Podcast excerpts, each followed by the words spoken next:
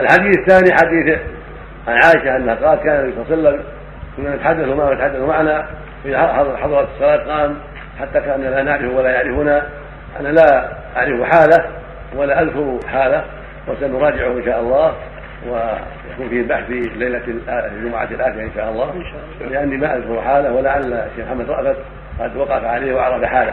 لكن من باب من باب الفائدة من باب الفائدة لأن الظاهر من حال النبي صلى الله عليه وسلم أنه كان لينا مع أهله ولينا مع المسلمين وإذا حضرت الصلاة قام إليها وليس حضورها يعني فيما يظهر موجبا بأن يتغير حاله مع أهله ومع من حوله بل يقوم إليها برغبة وشوق عليه الصلاة والسلام.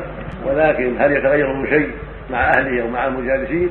هذا محل نظر ينبني على صحة الحديث هذا والذي اعتذر إليه أخونا الشيخ محمد رافع واسال الله لجميع التوفيق وإن اطلت بعض الإطالة واسال الله لنا ولكم التوفيق والهدايه واسال الله يجزي إخوتنا أصحاب الندوة جزاء حسنا وأن يثيبهم ويزيد من علمهم وتوفيقهم وأن ينفعنا بما سمعنا وصلى الله وسلم على نبينا محمد وعلى آله وأصحابه.